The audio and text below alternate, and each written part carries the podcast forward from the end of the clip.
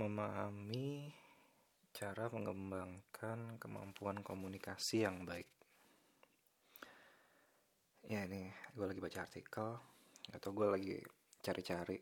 Uh, kan tujuan gue bikin podcast ini kan cara gue pengen uh, cara berbicara gue untuk uh, lebih berkembang lah menjadi lebih baik.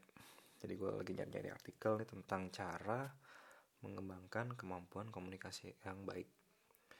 Ini artikel dari wikihow.id pakai bahasa Indonesia.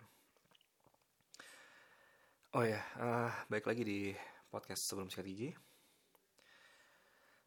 Hmm, udah episode berapa ya? Sebenarnya gue dari kemarin tuh udah mau bikin uh, podcast. Cuman kemarin tuh kayak sibuk banget ya. Sibuk banget terus kayak uh, plus udara di sini lagi dingin banget. Dan gue lagi di luar seharian. Anginnya lagi kenceng banget. Waktu gue coba ngerekam terus gue dengerin kok suaranya kayak banyak banget kayak noise buat suara anginnya ya. Karena ya gue pakai uh, alat rekamnya juga bukan yang terlalu sophisticated banget gitu. Masih yang biasa banget. Jadi ya hmm, akhirnya gue hapus kemarin ah gak gue hapus sih. Jadi kayak gue nggak upload aja karena suaranya juga jelek banget. Dan gue belum bukan uh, gue belum tahu caranya ngedit audio di uh, di komputer gue di laptop gue jadi uh, menurut artikel ini cara mengembangkan kemampuan komunikasi yang baik metode satu adalah pertama memahami dasar-dasar kemampuan komunikasi. Uh, yang dimaksud komunikasi di sini kan sebenarnya dialog ya tapi nggak juga sih dialog kan dua. Kadang tuh uh, kita juga bisa ngomong ke di public uh, public space lagi public uh, ya public space bener. Ya kita bisa ngomong jadi public speaker atau kita komunikasi sama uh, orang lain. Yang menurut gue ini penting sih. Uh, apa ya beberapa kali gue coba ngomong gitu kan di sini uh, di negara yang gue tinggal sini dia nggak pakai bahasa Inggris ya. Nah beberapa kali gitu awal-awal gue belajar bahasanya ini agak susah banget sih. Bukan agak susah emang susah bahasanya. Uh, apa ya kalau misalnya bisa gue nilai komunikasi itu penting banget. Pernah suatu ketika gue nih ceritanya kayak ngisi-ngisi rumah kan kayak belanja uh, mebel dan lain-lain. Terus habis itu uh, ada yang salah nih. Ada yang salah terus akhirnya gue harus nelpon mau nggak mau kan. Nah dan mereka itu nggak bisa bahasa Inggris. Dan kemampuan bahasa gue selain yang bahasa Inggris ini pas-pasan. Jadi pelan-pelan gue ngomong. Terus pernah juga uh, tiba-tiba dia kayak salah gitu komunikasinya. Akhirnya kayak akhirnya gue kayak uh, beli dua kali gitu. Akhirnya ya udah akhirnya gue balikin lagi kan gue balikin dengan uh, di sini kan soalnya ada uh, policy kalau misalnya kita beli barang kita nggak suka kita boleh balikin. Dan itu uang kembali. Ya enaknya kayak gitu sih. Untungnya seperti itu. Jadi menurut gue komunikasi ini penting banget biar kita nggak salah paham lah satu sama lainnya ya nggak? Uh, di sini metode satu memahami dasar kemampuan komunikasi mengetahui apa yang dimaksud dengan komunikasi. Oh jelas nih komunikasi itu uh, menurut gue ada yang uh, apa ya tertulis dan tidak tertulis. Ya bisa juga yang tidak tertulis itu uh, bisa berupa percakapan bisa verbal atau non verbal juga.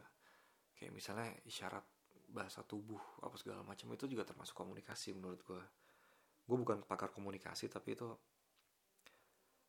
uh, opini gue lah ya soal cara komunikasi. Oh ya terus gini sih uh, dulu gue pernah ikut seminar dosen gue yang jadi di seminar itu tuh di acara seminar itu banyak dosen-dosen dari luar fakultas juga gitu. Nah dosen dari fakultas gue sendiri yang bukan di bidang komunikasi itu ya gue udah biasa sih dengernya gitu dengan cara mereka ngomong apa segala macam. Terus ya gue udah kebiasa lagi dan gue masuk uh, apa yang mereka bicarakan gitu apa yang mereka komunikasikan ke gue tuh masuk gitu ke gue nah terus yang berikutnya ini ada dosen dari fakultas komunikasi. Dia ngomong wah gila sih. Gue kayak salut gitu. Ini orang jago banget ngomongnya parah jago banget ya menurut gue tuh ilmu komunikasi tuh penting banget. Ya ya dengan apa ya dengan cara dosen gue ngomong dosen gue sendiri gitu di fakultas gue sendiri gue ngomong gue dia mereka mereka ngomong ya gue ngerti gitu. Ya gue udah kebiasaan dengan cara itu tapi begitu si dosen dari fakultas komunikasi ini ngomong gue kayak amazed banget. Wah hebat banget nih orang cara ngomongnya. Nah dari situ titik di situ tuh gue berpikiran untuk belajar cara komunikasi yang baik dan benar ya dari situ sih titiknya gue pengen belajar uh, cara komunikasi. Terus yang kedua ini mil milikilah keberanian untuk mengatakan apa yang dipikirkan.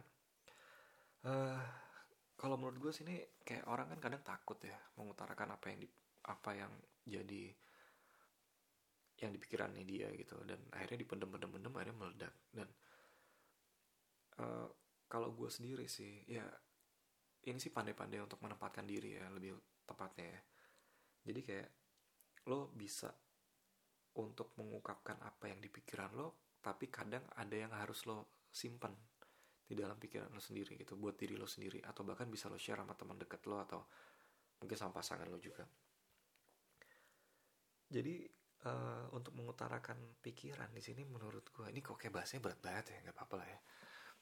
Mengutarakan pikiran di sini tuh menurut gue sendiri harus pada tempatnya. Harus lihat kondisi kanan dan kiri gitu. Ya gue gue beberapa teman gue ada sih yang orangnya cablak banget kan. Dia ngomong apa yang dipikirin? Kayak di, ya dikeluarin aja bodoh amat gitu. Orang lain mau mikir dia kayak gimana dia bodoh amat ya. Itu menurut gue juga eh, nggak uh, masalah gitu. Ya soalnya itu dia di depan gue seperti itu. Mungkin dia di depan yang lain gue nggak tahu. Mungkin bisa aja dia di depan yang lain lebih bukan lebih jaim ya lebih bisa menempatkan diri gitu. Misalnya lagi ngomong uh, sama atasannya misalnya sama bosnya atau sama orang tuanya pasti beda gitu bahasanya menurut gue ya. Ya jadi di sini yang metode bukan metode dua ini apa ini masih metode satu ini cara kedua. Ini uh, tergantung sama posisi posis bukan posisi tergantung kondisi dan situasi sekitar lah menurut gue yang ketiga berlatihlah oh jelas berlatih. Gue dulu uh, eh, gue sering banget ya melakukan presentasi. Ya bukan bukan di publik sih lebih ke di kelas gitu lah ya. Belum pernah gue di uh, ngasih presentasi di publik itu gue belum pernah sama sekali. Cuman uh, waktu gue di saat gue mau ya istilahnya kayak ijang eh ijang lagi. Lagi sidang misalnya mau sidang apa segala macam itu gue kayak sidang skripsi ya bukan sidang hukum ya. Sidang ini tuh gue pasti selalu berlatih gitu. Jadi kayak di depan kaca dari uh, gerak gerik badan gue itu kayak gue atur semuanya ya. Bukannya bukan pencitraan tapi ya emang itulah yang kayak gue bilang kayak harus di dalam situasi dan kondisi yang pas. Lo mengungkapkan segala macam termasuk ya uh, bahasa tubuh lo sendiri gitu. Dan kebetulan gue juga banyak belajar gitu dari si dosen si yang dosen di fakultas komunikasi ini. Uh, terus um, metode dua libatkan lawan bicara. Ya jadi ya yang saya gue gue gue sebenarnya termasuk orang introvert ya. Uh, ya nggak tahu sih ya maksudnya kayak introvert atau extrovert itu itu bukan gue yang ngejudge tapi maksudnya orang yang melihat gue itu extrovert atau introvert. Gue nggak bisa ngejudge diri gue introvert atau extrovert. Uh, ya di saat ini kan ya gue juga gue juga udah punya punya sangat punya pasangan ya. Maksudnya gue sudah menikah juga. Uh, biasanya tuh ya gue juga sering banget gitu ngobrol sama istri gue dan gue kadang juga berpikir untuk mengatur cara berbicara gue kepada istri gue sendiri gitu. Maksudnya biar dia juga nyaman ya itulah intinya berpasangan ya maksudnya komunikasi. Metode dua ini barusan libatkan lawan bicara ya. Caranya pertama lakukan kontak mata. Nah yang ini nih gue pelajarin waktu gue SMA nih. Jadi kalau misalnya lo mau ngomong itu harus tatap matanya bukan tatap yang lain ya.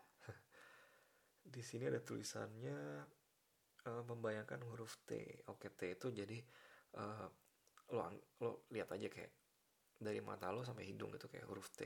Nah itu uh, kontaknya itu salah satu tekniknya tuh ya itu memandang tapi pindah-pindah gitu. Maksudnya dari mata yang satu ke mata yang lain gitu. Jadi nggak nggak kayak mata satu terus nanti kayak apaan lo kayak kayak malah aneh menurut gue ya. Jadi lakukan kontak mata ini penting banget. Terus yang kedua gunakan gestur ya lo bukan robot ya lo jadi kalau ngomong lo harus ya menggunakan gestur tangan atau badan. Lo bukan robot. Ya biar ini relax aja sih perbicaraan misalnya antar uh, antar dua orang. Jadi belum tentu tapi belum tentu juga misalnya ya tadi sekali lagi melibatkan gestur di sini tuh uh, harus di situasi dan kondisi yang pas gitu. Kalau misalnya dan dan harus yang apa ya appropriate ya. Kalau misalnya lo menggunakan gestur yang aneh yang tidak apa ya yang dibilangnya ya yes, anono lah ya bukan anono ya apa ya tidak pantas lah pada tempatnya ya itu mengganggu lawan bicara lo juga. Terus jangan mengirimkan pesan yang campur aduk. Ah, ini nih. Ini. Uh, kata-kata gestur ekspresi wajah. Ah. Jadi kayak misalnya apa ya? Ya ini ini bisa aja sih menggunakan pesan yang campur aduk. Misalnya kayak contohnya uh, apa ya, kalau di bahasa Indonesia itu menggunakan majas-majas ya metafora lah atau uh, hiperbola atau misalnya lo lagi marah lo uh, misalnya lo lagi marah sama teman baik lo gitu terus lo bilang oh gila ya lo lo baik banget ya sama gue ya ternyata ya padahal uh, maksudnya lain gitu ini tapi menurut gue ini gak, nggak valid sih. Yang jangan mengingat pesan campur aduk. Ya ini sekali lagi. Kondisi dan situasinya harus diperhatikan. Kapan kita bisa menggunakan pesan yang campur aduk ini atau tidak. Tapi yang jelas gini. Yang gue pelajarin waktu pas gue kuliah salah satu uh, mata kuliah gue subjek kuliah gue gini. Uh, gue presentasi nih. Nah gue awalnya tuh takut gitu kan presentasi. Nah setelah gue presentasi si dosennya bilang gini uh, coba kalian semua bikin feedback nah feedbacknya tapi jangan tentang apa yang dia bicarakan tapi uh, feedback yang membangun gitu. Jadi jangan komentar yang negatif gitu. Jadi misalnya dibilang oh, gue nggak suka materi lo nggak bagus ini segala macam. Kayak menurut gue itu kayak tidak membangun ya. Tapi uh, komentar yang membangun itu lebih kayak gue suka uh, misalnya nih presentasinya jelek ya let's say lah jelek gitu. Nggak bagus apa membosankan ya. Lo puji yang lain ya. Misalnya kayak uh, wah terima kasih lo udah bikin presentasi ini. Uh, tapi ya menurut gue jangan di fake fakein misalnya suara lo bagus banget. Gue suka cara berbicara lo juga gue suka.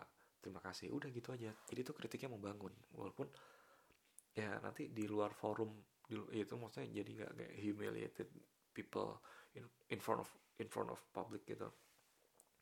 Jangan kayak gitulah. Menurut gua kalau kritik di depan umum itu tentang seseorang harus yang membangun gitu. Jangan yang jangan yang uh, menjatuhkan orang tersebut. Soalnya sering banget kan maksudnya kayak uh, komentar orang tuh kayak wah uh, sorry ya gue nggak suka nih materinya nggak bagus cabut. Terus tiba-tiba kayak nggak ngomong nggak apa cabut. Menurut gue itu tidak menghargai orang gitu. Maksudnya orang juga lo kalau misalnya mau menghargai orang ya harus kalau lo mau dihargai orang ya lo harus menghargai orang tersebut. Sekali lagi ini penting banget ya kasih feedback yang membangun jangan yang negatif. Dan gini uh, eh, gue ada gue ada gue ada punya bisnis juga gitu ya di Indonesia.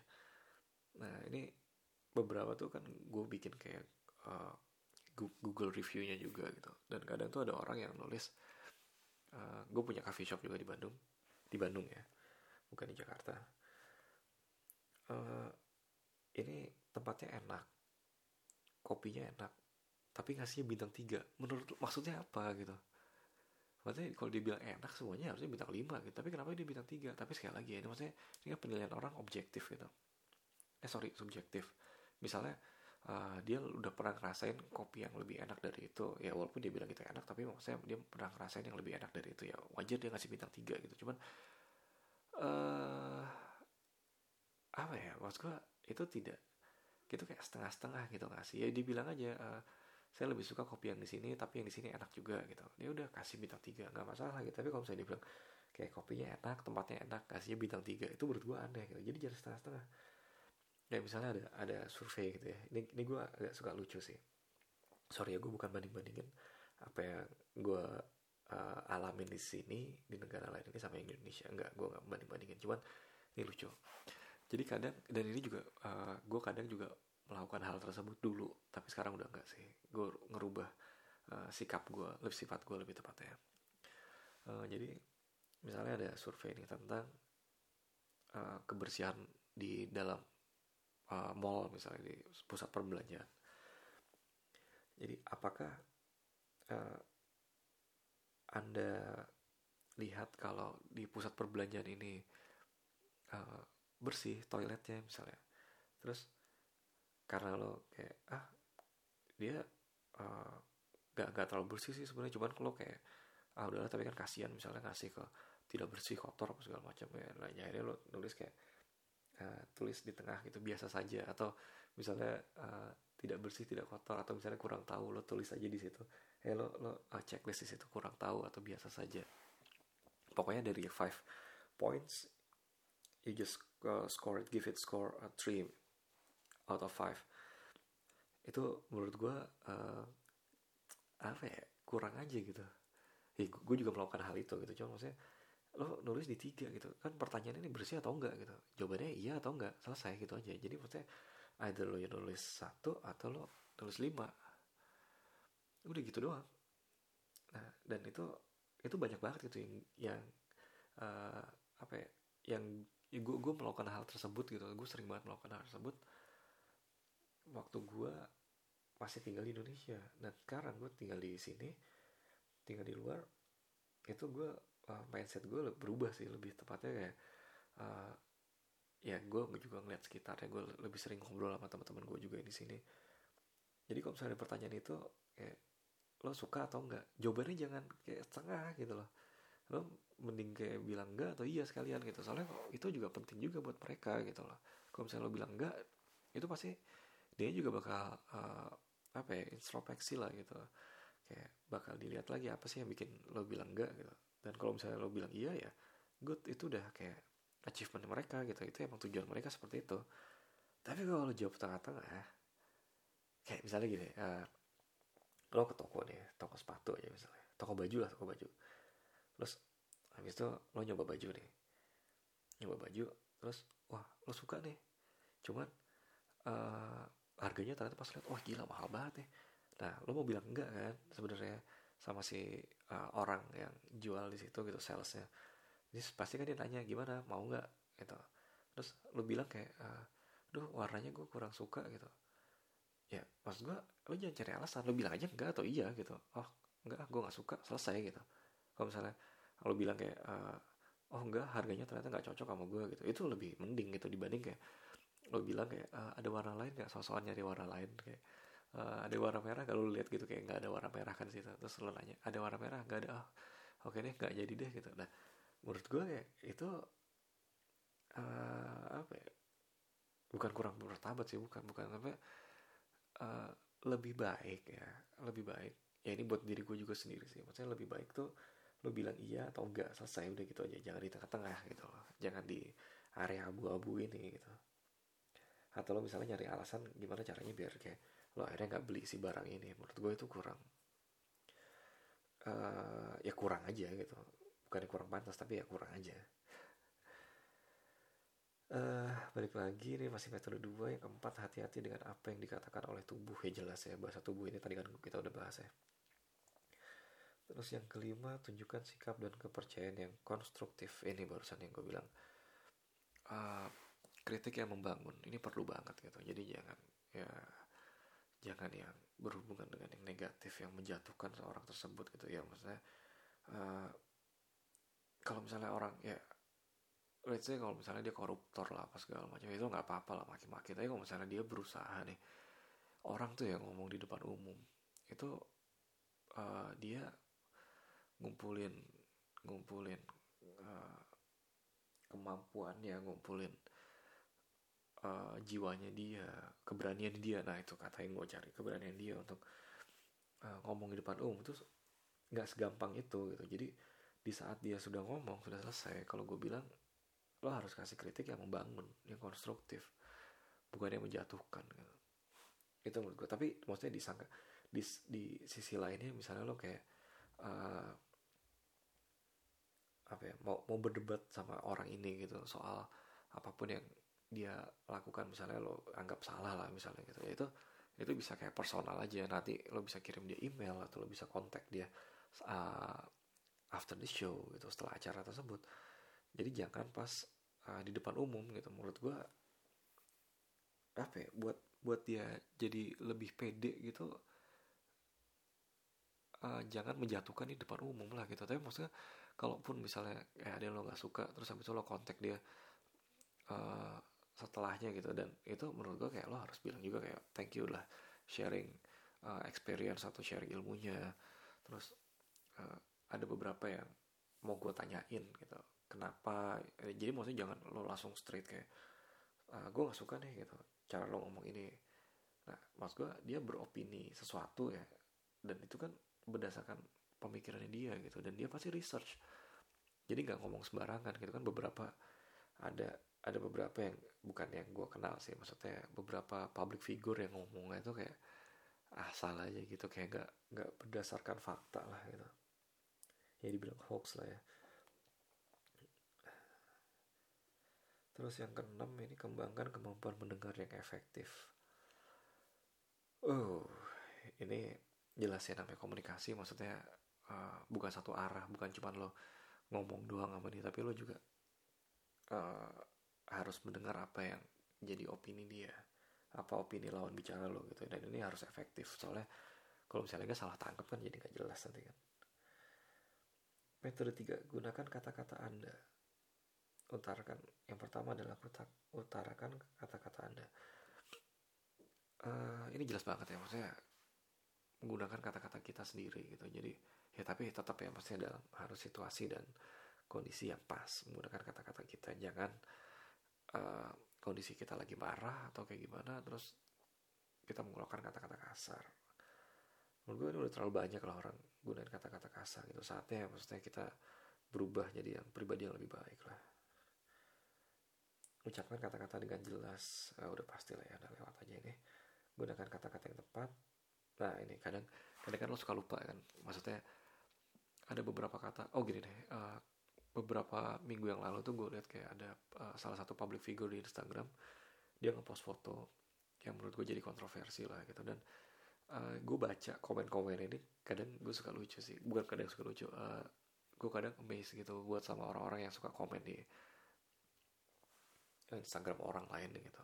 Dan itu bukan kritik yang membangun menurut gue tapi dia menggunakan kata-katanya itu yang pakai bahasa Indonesia tapi menggunakan kata-kata yang apa ya kalau gue bilang kayak High Indonesia gitu.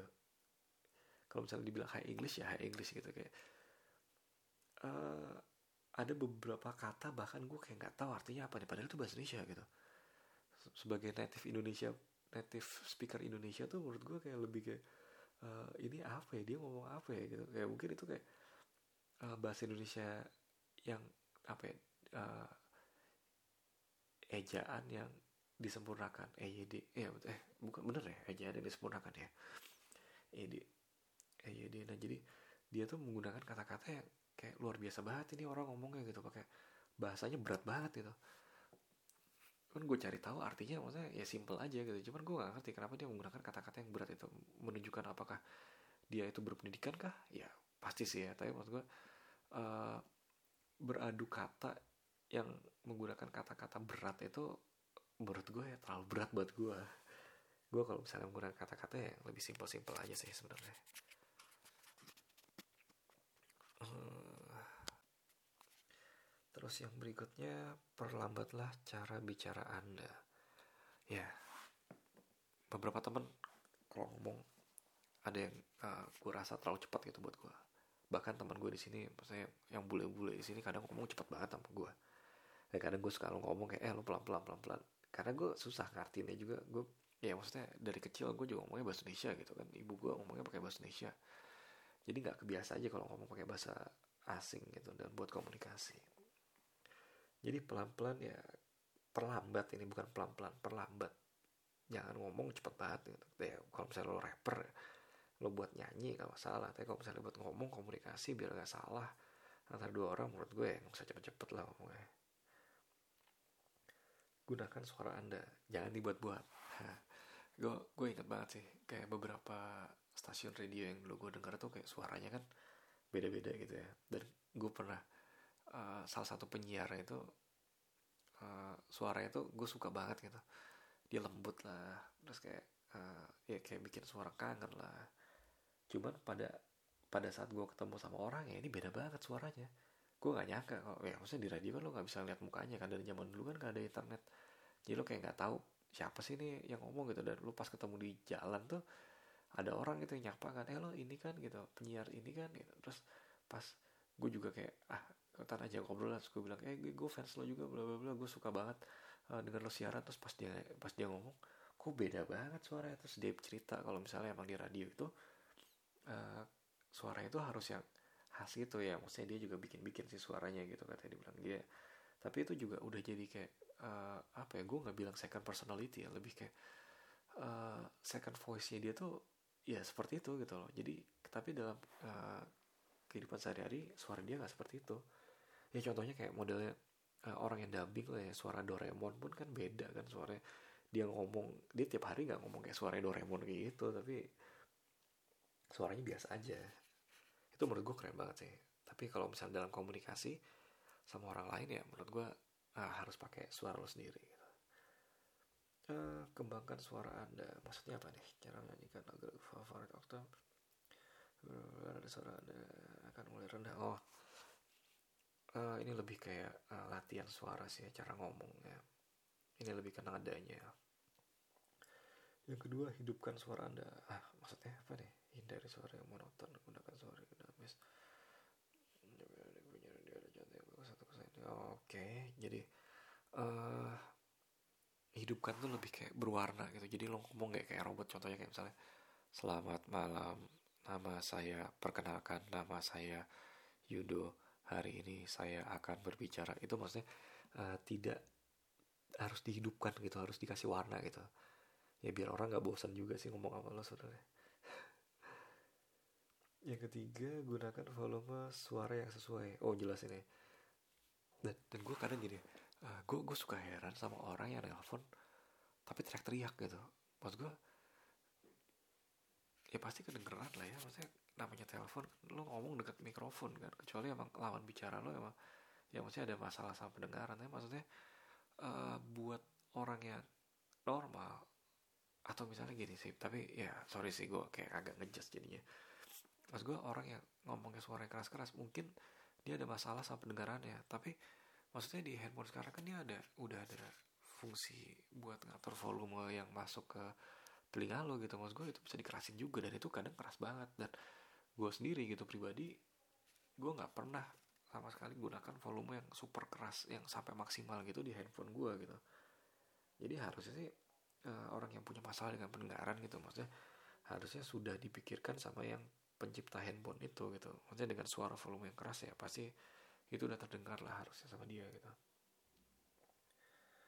Terus uh, tips. Pastikan anda menggunakan tata bahasa yang tepat ya ini. Tips-tipsnya ini ya, ya tadi barusan gue udah ngasih tips juga. Ini kalau misalnya kalian mau lihat ya ini tadi gue cuma nge-googling aja cara berbicara. Terus kayak halaman uh, di list pertamanya ini ada dari WikiHow cara mengembangkan kom kemampuan komunikasi yang baik ya. Kalau misalnya lo mau baca-baca dan lo mau ngelatih cara berbicara lo ya maksudnya nggak ada salahnya lo uh, baca-baca artikel yang ada gitu. Soalnya artikel-artikel yang ada ini penulisnya pun menurut gue juga nggak sembarangan ya. Maksudnya kalau misalnya dia sembarangan paling juga udah di take down sama orang yang lebih expert di bidangnya gitu. Huh. udah hampir setengah jam. Sebenarnya gue juga cuma punya excuse me uh, sebenarnya gue cuma punya cuma punya waktu setengah jam sih deh ya apalagi ya? Uh, oh iya sih uh, buat yang ngedengerin thanks sekali lagi. Udah ngedengerin. Lumayan ternyata banyak juga. Dan yang udah nge-email thanks banget nanti satu-satu gue balesin deh gue gak nyangka sih maksudnya kok ada aja yang dengerin ya thanks banget thanks banget. Uh, dan ini mungkin lo ngedengerinnya di beberapa platform ya. Dan sekarang gue juga baru dapat email kalau ternyata uh, podcast gue lo udah bisa dengerin di iTunes. Wow thank you banget. Kalau misalnya ada yang bisa jadi maksudnya kalau misalnya lo bukan uh, Spotify mania mungkin lo bisa dengerin itu di iTunes. Udah ada search aja uh, podcast sebelum sikat gigi. Situ ada ya pokoknya lo bisa dengerin juga di situ. Uh, apa lagi ya? Hmm. uh, kayaknya udah itu aja sih mungkin uh, terakhir pesan dari gue jangan lupa sikat gigi sebelum salah setelah makan dan sebelum tidur. Karena apa? Karena kalau misalnya gigi lo bermasalah ada yang berlubang. Ke dokter giginya mahal cuy. Oke okay.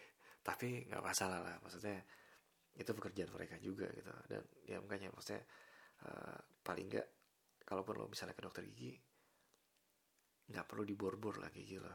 Ya kayak misalnya cuma dibersihin doang 6 bulan sekali ke dokter gigi. Itu udah cukup lah buat jaga kebersihan gigi lo oke? okay? Oke sampai jumpa lain waktu. Bye